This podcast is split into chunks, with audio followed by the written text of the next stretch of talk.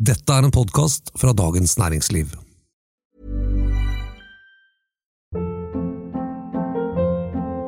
Hold up. What was that? Boring. No flavor. That was as bad as those leftovers you ate all week. Kiki Palmer here, and it's time to say hello to something fresh and guilt-free. Hello Fresh. Jazz up dinner with pecan-crusted chicken or garlic butter shrimp scampi. Now that's music to my mouth. Hello Fresh. Let's get this dinner party started. Discover all the delicious possibilities at hellofresh.com.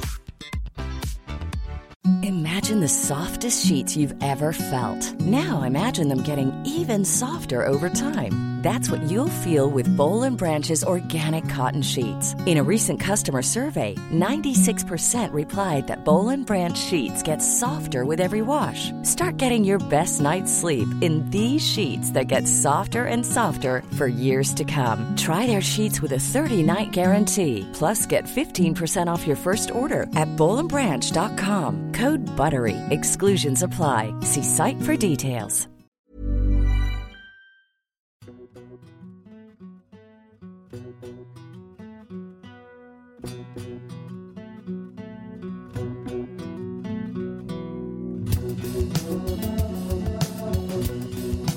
Velkommen til eh, frokost uten filter her fra DN-teltet under Arendalsuka. Den første av tre slike frokoster denne uka. I dag så skal det handle om Norge og verden. Flere av de store stridsspørsmålene i norsk og internasjonal politikk har sitt utspring langt utenfor Norges grenser. Inflasjon, prisstigning, krig og energikrise, for å nevne noen hyggelige ting som vi baler med for tiden. Og for et lite og rikt land som Norge så er det ikke alltid så lett å manøvrere. Så Derfor så er det en glede at utenriksminister Anniken Huitfeldt fra Arbeiderpartiet er den første frokostgjesten i år. Velkommen, Anniken. Tusen takk. Ja, har du, det, har du det bra? Skal vi begynne med? Ja, men Det ble jo mer krevende enn jeg hadde sett for meg. Men det er slik at de siste årene så har det jo skjedd ting som vi ikke hadde regna med. Vi som, vi er jo omtrent på samme alder. Du begynte kanskje med journalistikk da jeg begynte med politikk. Og da gikk jo alt framover. Men nå har vi sett altså, terrorangrep mot Norge. I 2011 pandemi. Det hadde vi lest om, men at det skulle slå sånn ut. Og at det nå kom en krig. Så når du jobber med forsvars- og sikkerhetspolitikk, så, så, er man jo forberedt på det verste. Mm. Er dette det verste? Liksom? Så det er jo det verste som har skjedd i Europa mm. siden annen verdenskrig. Og det er en veldig farlig situasjon.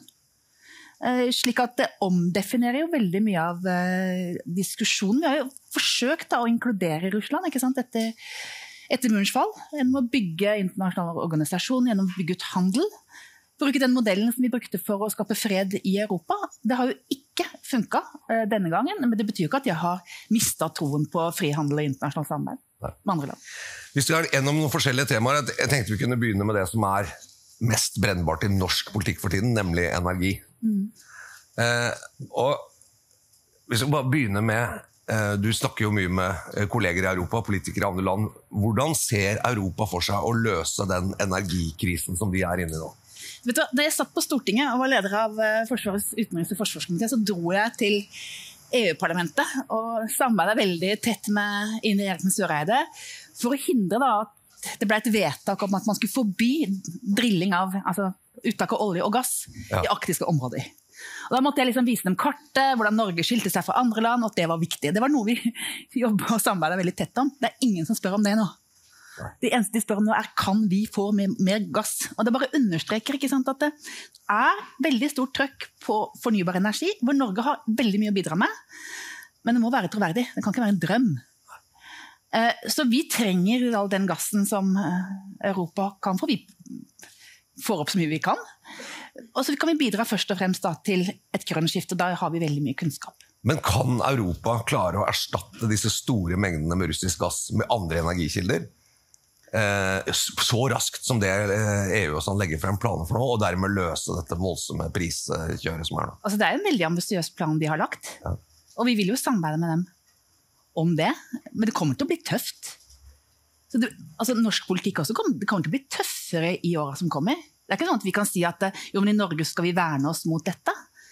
Eh, så når vi ser at energiprisene øker med 40% Det fører også til økte matvarepriser. Det er den største økninga på 48 år. Det får jo konsekvenser for Europa og også for oss. Så vi må forberede oss på å leve i en tid hvor energi er mye dyrere de neste årene enn det det har vært før. I hvert fall nå så ser det ut til at veldig mye blir dyrere, og kunstgjødsel også blir dyrere. Så det får jo konsekvenser, det som skjer. Vi kan ikke verne oss mot det, men vi skal gjøre det vi kan for å, for bl.a. verne husholdninger og hindre at det får veldig store usosiale utslag. Men det handler jo også om energiøkonomisering. Ja, men her er jo et dilemma som er framme i den norske debatten, som går om det at jo, vi skjønner at Europa at det blir dyrt fordi de mangler gass. De plutselig er det en stor gassleverandør som er liksom ute av miksen. Men i Norge har vi jo nok energi til å klare oss selv. Til og med nok fornybar energi. Hvorfor kan vi ikke bare skjerme oss fra de vanvittige strømprisene vi ser i Europa for tiden? Fordi at vår energi er jo avhengig av uh, hvor mye det regner. Først og fremst vannmagasinene. Ja. Og nå har vi hatt to tørre år. Og da kan ikke vi si at ja, nei, vi kutter all forbindelse med Europa for at vi satser på at disse vannmagasinene fyller seg. Så Vi også trenger energisikkerhet. Så vi er også avhengig av samarbeid med Europa på disse områdene. Så det å liksom isolere seg og tro at det er mulig. Men vi er jo mye bedre stilt enn andre, nettopp fordi vi har så mye fornybar energi. Og nettopp fordi vi bruker veldig mye den kunnskapen som vi har fra olje- og gassindustrien til å investere nå i fornybar energi. Ja, for det er jo sånn, vi, altså i Norge, vi, eh, Tyskland er jo helt avhengig av russisk gass, eller har vært det fram til nå. Mens i Norge så vi trenger litt å ha i bakhånd hvis det ikke regner. Men vi er jo stort sett helt selvforsynt med, Ja. med energi. Så jeg, så jeg spør igjen hvorfor. Hvorfor, hvorfor kan vi ikke, er det, er det vanskelig internasjonalt å si at nei, vet du hva, vi, vi nå, nå, nå tar vi alt det vi trenger selv først, og så bytter vi bitte litt på toppen. Men, men vi trenger ikke å ha sånne priser som Europa, for vi mangler jo egentlig ikke energi her. Ja, når det gjelder energisikkerhet og sikkerhet for vår egen energiforsyning, så var jo dette noe som ble tatt opp på møtet mellom Jonas Gahr Støre og Olaf Scholz i går.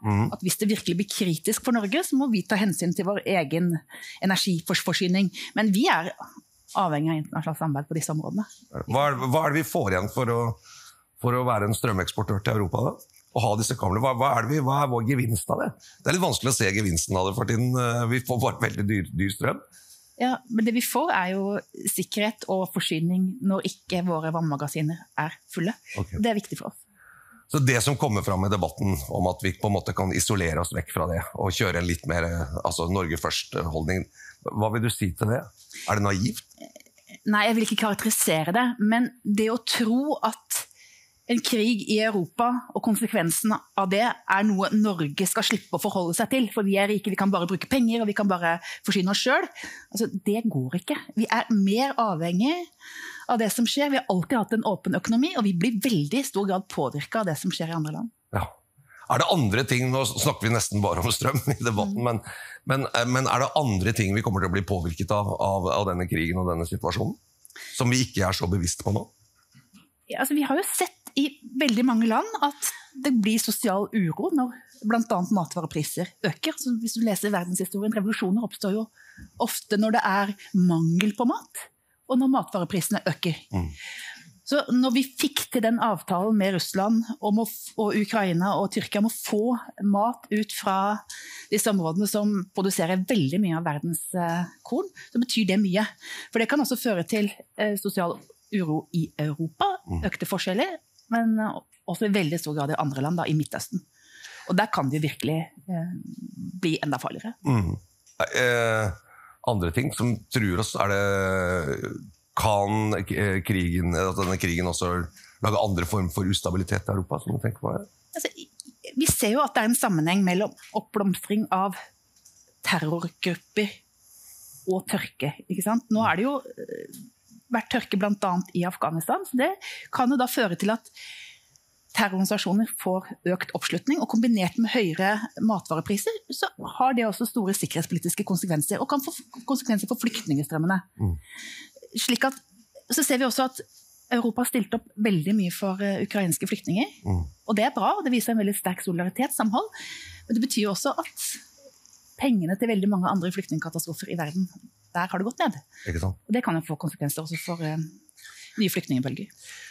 I Norge har vi jo et, jeg vil si, et ganske opphetet politisk klima rundt strømpriser. Det merker jo den regjeringen du sitter i, er i hvert fall omkvedet. At Ja. dere, dere sliter litt med det.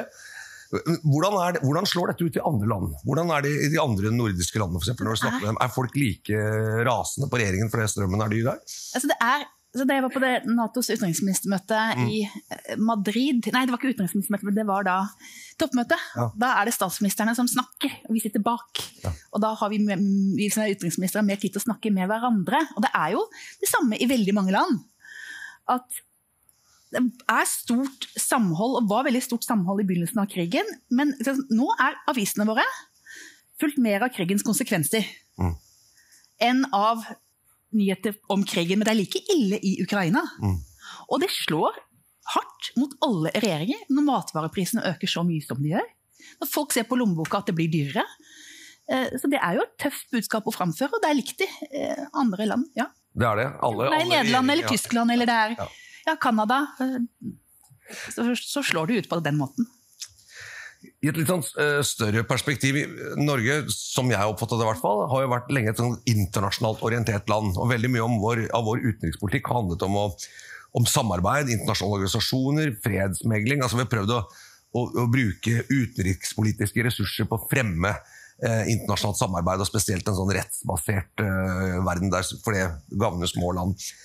Er tiden moden i Norge for en utenrikspolitikk som i større grad fremmer liksom rene nasjonale interesser? Jo, men det er nasjonale interesser å hindre at Afghanistan igjen blir et oppmarsjområde for internasjonal terror. Det, er norsk interesse, og det er Europas interesse, å hindre at det blir grunnlag for nye flyktningstrømmer. Så, så, så den motsetningen, eh, den er jeg ikke med på. Men også vi må prioritere ressursene våre bedre i Utenriksdepartementet. Det er en krig i Europa, og sånn som norsk utenrikstjeneste ble etablert, så var det i stor grad for å fremme skipsfart, som var viktig for Arendal. Ja. Og det vi kan bidra med nå for å løse energiproblemene i verden, det er jo mer, mer kunnskap. Så Det er jo de prioriteringene som vi kommer nok til å gjøre noen endringer i UDs oppsett for å kunne imøtekomme det som er situasjonen nå. Og hva skal bort, da? Ja, Det vil vi komme tilbake til, men vi må jo prioritere bedre. Jeg kan ikke si at vi skal bare ha flere diplomater overalt. Altså, Det går ikke an. Det er veldig få som kan det nå. Nå må vi prioritere enda bedre, og det, er, det må man jo når det er krise. Hvis jeg husker rett, så, så Jonas Gahr Støre, da han var utenriksminister, som nå er statsminister, så la han ned en, en del eh, utenriksstasjoner, var ikke det? Og flyttet litt på ambassader osv. Det, ble det, det ble det ganske mye bråk om. det det. Er det, men er det det, er det, sitter du og ser på det nå? Jeg ser på- Jeg ser på alt, og vi har hatt en gjennomgang av hvordan UD fungerer. Vi har hatt eksterne til å se på hvordan vi fungerer. Vi må jo hele tiden tenke på om vi bruker ressursene riktig. Jeg kan ikke bare si at jeg trenger enda flere.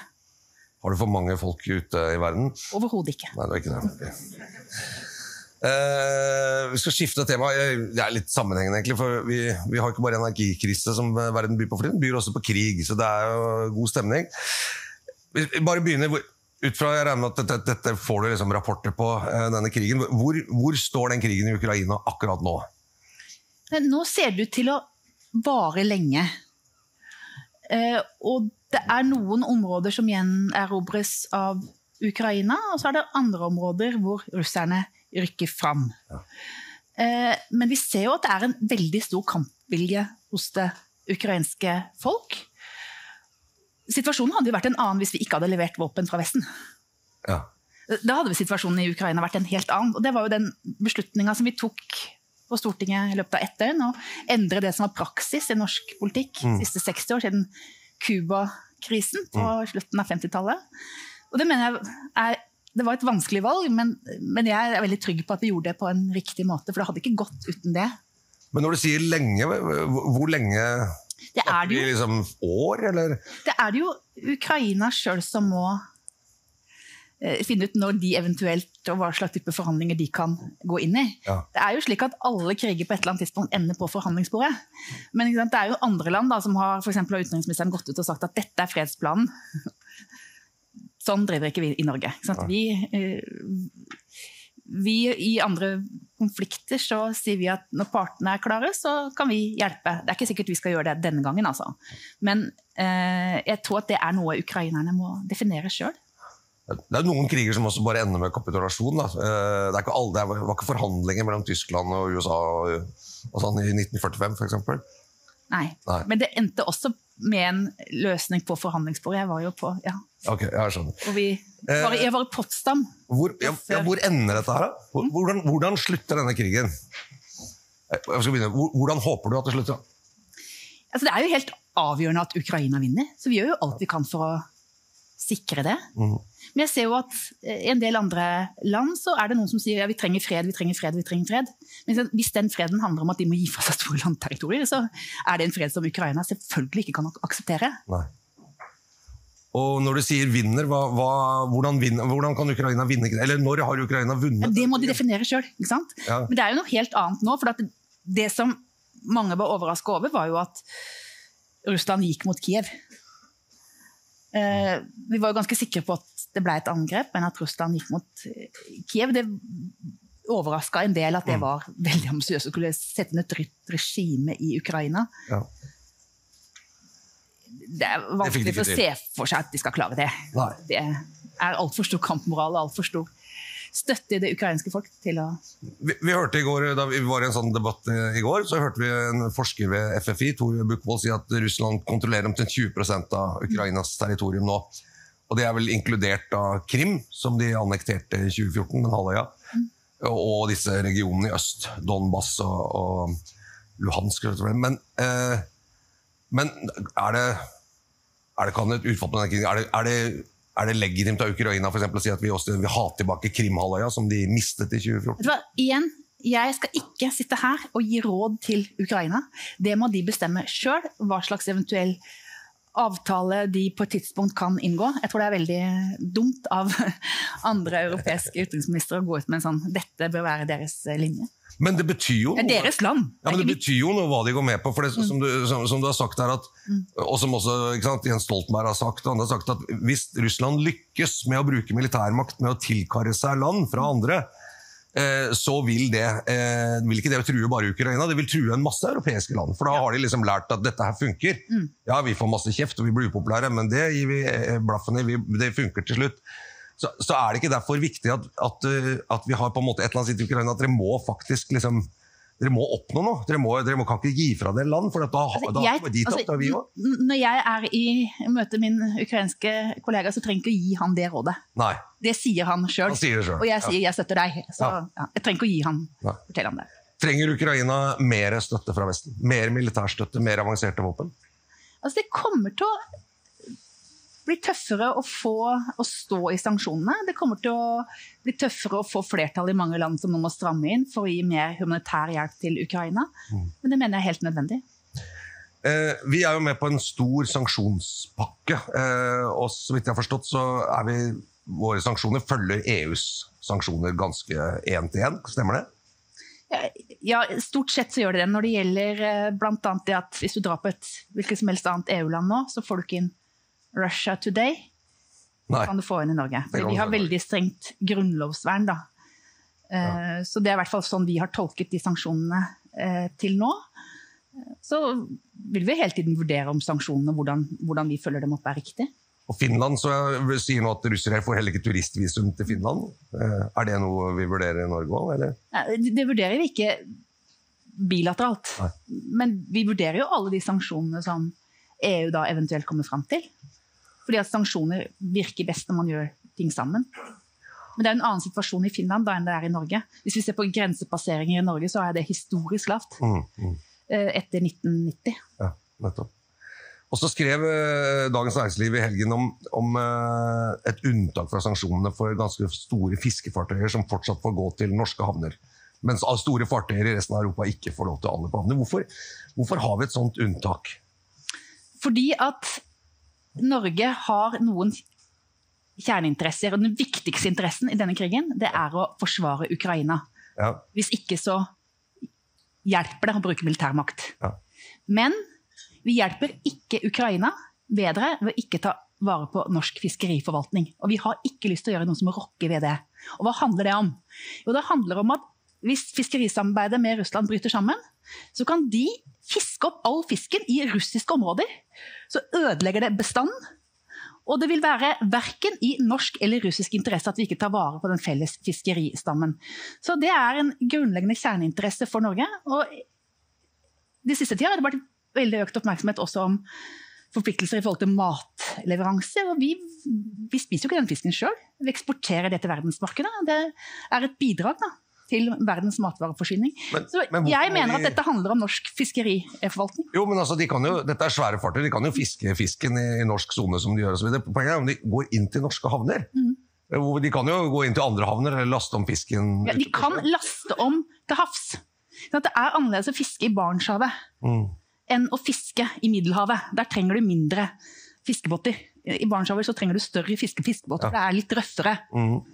Så Derfor så har vi sagt at også større fiskebåter kan anløpe norske havner. Og så skal jeg si sant, Vi følger situasjonen nøye, og det høres veldig kjedelig ut. Det høres ut som vi sitter der og følger situasjonen nøye, men det som er poenget er at vi vil ivareta norsk fiskeriforvaltning.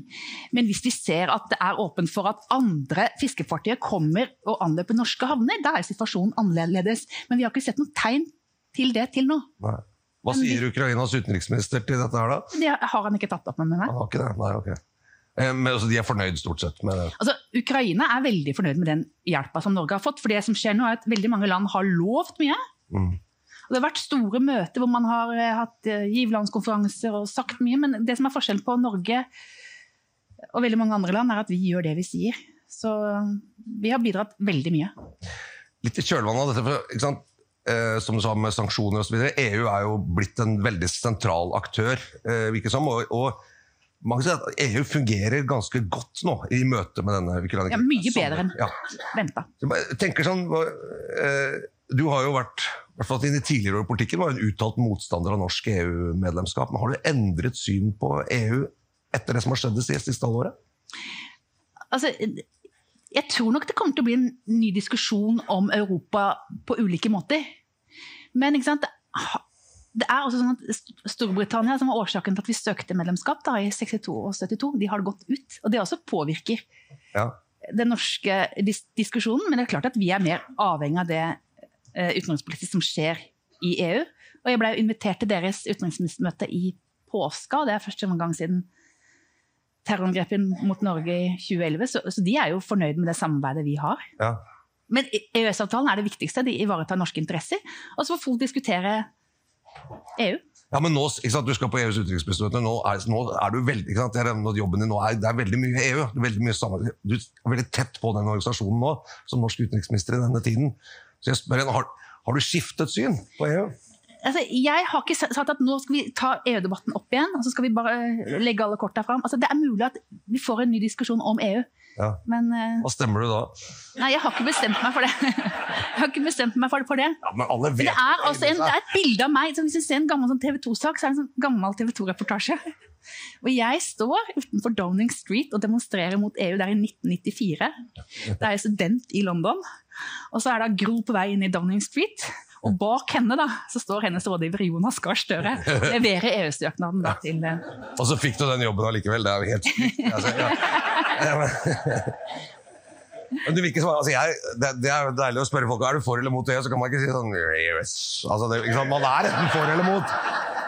altså, Du er jo det ord- jeg- altså, Det er ikke noe tema nå. Nei, det er ikke noe tema. Eh, bør, du, du har nevnt det, men, Men sant, det jeg sier til de utenriksministrene når de spør meg sånn, når skal dere søke, så sier jeg bare at sant, det har vært EU-avstemning i Norge i 72-94, Ja. eh, hvor eh, det var stort engasjement mm, blant eh, ledende politikere for å få Norge inn, og så var det to ganger nei i en folkeavstemning. Og jeg tror at ingen politiske ledere vil ta initiativ til det i Norge. nei. Det må være endringer også blant den unge generasjonen, som Ja. sier at dette er viktig av hensyn til miljø og, og, og demokrati. Det er det ikke rimelig at alle de som er bitte litt yngre enn oss, da, som ikke hadde stemmerett i 1994, det begynner å bli en ganske stor del av befolkningen. Dessverre, får man si. Eh, tida går. Men, eh, eh, men er det ikke rimelig at også de generasjonene skal få ha en, si en mening om Ja, og jeg tror det er de som eventuelt må reise den hvis de ønsker det. Mm. Når kommer den, da? Jeg vet ikke. Men jeg mener jo at også det er påvirka av Kanskje det hadde vært annerledes hvis Storbritannia fremdeles hadde vært medlem. Ja. To korte spørsmål om, om Kina. Det, det, den store spillet mellom USA og Kina og frykten for Kina det havner jo litt i skyggen nå av, av krig og Russland og, og strøm osv. Men, men hvordan, er liksom Norges vurdering av hvor Kina er nå? Er, er Kina en trussel mot uh, verdensfreden, f.eks.? Så vi forholder oss til Kina på mange ulike måter. Vi er helt avhengig av å samarbeide med Kina for å redusere CO2-utslippene. Mm. Vi ønsker også handel med Kina. det er i norske interesser. Men det er også områder hvor vi er uenige med Kina. Enten det handler om synet på folkerett eller menneskerettigheter. Mm. Og det tar vi opp med kineserne eh, i alle mulige sammenhenger. Og hver gang jeg har møtt representanter for kinesiske myndigheter, så har det vært på dagsordenen. Er du bekymret for den situasjonen på Taiwan, hvor det virker ganske anspent for Så tiden? jeg er bekymra for situasjonen i hele dette området. Mm. Eh, For der ser vi økt militær tilstedeværelse. Og når vi ser økt spenning, så er det jo også sjanse for at situasjonen kan komme ut av kontroll. Og det er veldig avgjørende, da. I, I nordområdene så skal ikke jeg snakke om det, bare nevne som et eksempel, men det er en direkte linje da, ikke sant? mellom Forsvarets operative hovedkvarter og eh, Nordflåten. Ja. For å unngå at det blir misforståelser. Vi hadde svær militær øvelse. Men når den kommunikasjonen ikke fungerer i andre deler av verden, så- er det jo fare for at også misforståelse fører til eh, økt spenning. Ja. Eh, Jeg hadde lyst til å avslutte med å spørre deg litt om politikk generelt. for Du har jo vært eh, aktiv politiker så lenge. Har jobbet litt som forsker, på, eller fem år eh, som forsker på Fafo. det er jo en god stund. Men, men du har vært aktiv i politikken helt fra du var tenåring. Og sittet på Stortinget veldig lenge, hatt flere statsrådsposter. Er det sånn at politikken nå opplever at den sliter litt i møte med en ganske kaotisk og krevende verden? At det er vanskelig å lage politikk som svarer på vår tids utfordringer? Eh, Jeg syns ikke det er vanskeligere eh, nå, nei. Jeg syns også det var vanskelig på 90-tallet med de utfordringene. Men sant? verden er blitt et sted hvor det I løpet av de årene jeg har vært aktiv i politikken, da, da åpna jo alt seg. Sant? Da falt diktaturen i Latin-Amerika. og Nelson Mandela slapp ut av fengsel. Så det, det går i feil retning da, på veldig mange av de områdene som vår generasjon brant for. Mm. Og det gjør det jo vanskeligere. Fordi at jeg husker Tidligere så var jeg eh, provosert på alle politikere som bare mante til liksom, elendighetsbeskrivelser, og så skal kunne jeg liksom legge fram tall og vise at ting går bedre, det er færre som sulter. Nå er det ikke sånn. Nei. Så nå går veldig mange piler i feil retning. Da. Din regjering du sitter i, eh, sliter jo også litt. Med, både med oppslutning og, og popularitet. Har du noen tanker om hvorfor det har blitt sånn? Det er jo i overensstemmelse med sånn det er i veldig mange andre land. Ja. Og jeg vet jo, jeg husker jo Arendalsuka for åtte år siden, ett år etter at vi hadde gått ut av regjeringen da. Da var vi oppe i 40 Ja. Det var nesten nærmest sikkert at vi skulle vinne valget i 2017. Det skjedde jo ikke. Eh, Men sånn det er, det er sånn at det som er folks hverdag, det slår jo inn Mm. på hvordan folk ser på oss. Og da er det jo vår evne til å stå i det og forklare også hvorfor vi kommer til å bli tøffere. Altså, jeg kan ikke, fordi jeg sitter i norsk regjering, jeg kan ikke til høsten love gull og grønne skoger og et overekspansivt statsbudsjett. Det vil ha konsekvenser for norsk økonomi, og det har vi heller ikke muligheten til i den situasjonen Europa er i nå. Vi ser jo i noen land at eh, det er mye avmakt som preger. eh, mye politikerforakt. eh, noen land i Europa, Polen, Ungarn, har jo utviklet seg i veldig sånn illiberal retning. Det er litt sånn, demokrati er ikke, er ikke så viktig. Fungerer det? Litt soft. I USA har vi hatt en veldig spesiell situasjon, eh, både før og etter 6. januar, eh, vil jeg si, med kongressstormingen. Frykter du at liksom, politikk og etablerte politiske institusjoner blir mindre relevant for folk? At det mister tillit og legitimitet? Så det jeg frykter, er jo at økte forskjeller bidrar til mindre tillit til det politiske system. Ja. Eh, og at eh, noen blir ekstremt privilegerte, mens andre blir en, en befolkningsgruppe som eh, politikerne i liten grad bryr seg om. Da. Vi ser i veldig mange europeiske land at de som har aller minst, de har ikke fått tatt del i den veksten som vi har sett de siste år- åra. Og da går de på en måte i, i sånn udemokratisk retning? Er det sånn? Ja, noen gjør jo det, men det er jo ikke nødvendigvis slik at det alltid har sammenheng med eh, at det er de minst privilegerte som tyr til de enkle løs løs løsningene. Nei, nei, det Det kan jo også være veldig mange av de rikeste som gjør det. Ja, jeg har sett en del Trump-supportere i Washington. De bodde på det dyre hotellet i hvert fall, og kjørte fine biler. De gjorde det med flagg. Uh, hva med deg selv, da? Er det sånn, nå har du vært i politikk veldig lenge. Er, ser du for deg at dette er det du kommer til å drive med resten av livet? Jeg tenkte jo det da jeg slutta som AUF-leder, at jeg skulle bli forsker. Ja. Eh, og jeg syntes jo det var veldig spennende. Men eh, jeg har ikke sånn at jeg har planer om å gjøre dette hele livet. Jeg tenker jeg må, må gjøre en skikkelig jobb også. Ja. Det er landsmøte i Arbeiderpartiet neste år, og der kan det bli valgt en ny nestleder. Kanskje det blir to nestledere. Er, er du en, en ny nestleder i Arbeiderpartiet? Nei. Du er ikke det? Jeg ikke, har ikke noen ambisjoner om å, sånne type posisjoner. Nå skal jeg være utenriksminister i Norge. Det er det viktigste for meg. Det er en veldig krevende situasjon. Og der må mitt fokus være nå. Hvis du blir spurt da, om, å, om du kan tenke deg å være det, sier du nei til partiet da? Nei, altså Jeg har ingen ambisjoner om det. Nei, ok. Greit. Vi stopper der, da. Vi gjør det. Tusen takk for at du kom, Anniken Huitfeldt. Lykke til med en krevende og viktig jobb. Og tusen takk for at du kom. Det var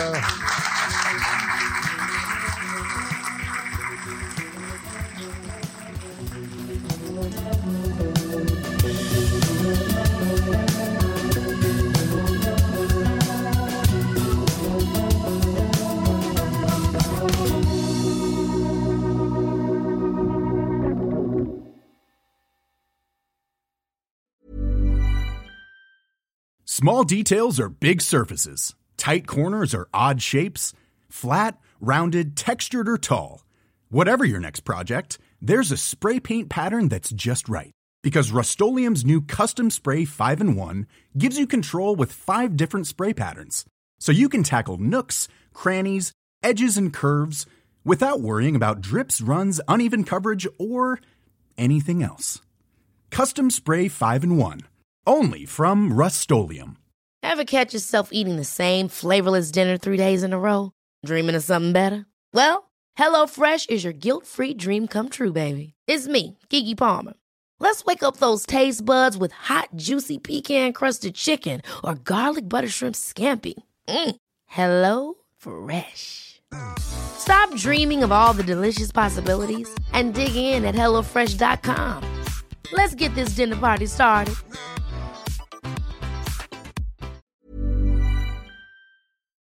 Du har nå hørt en podkast fra Dagens Næringsliv.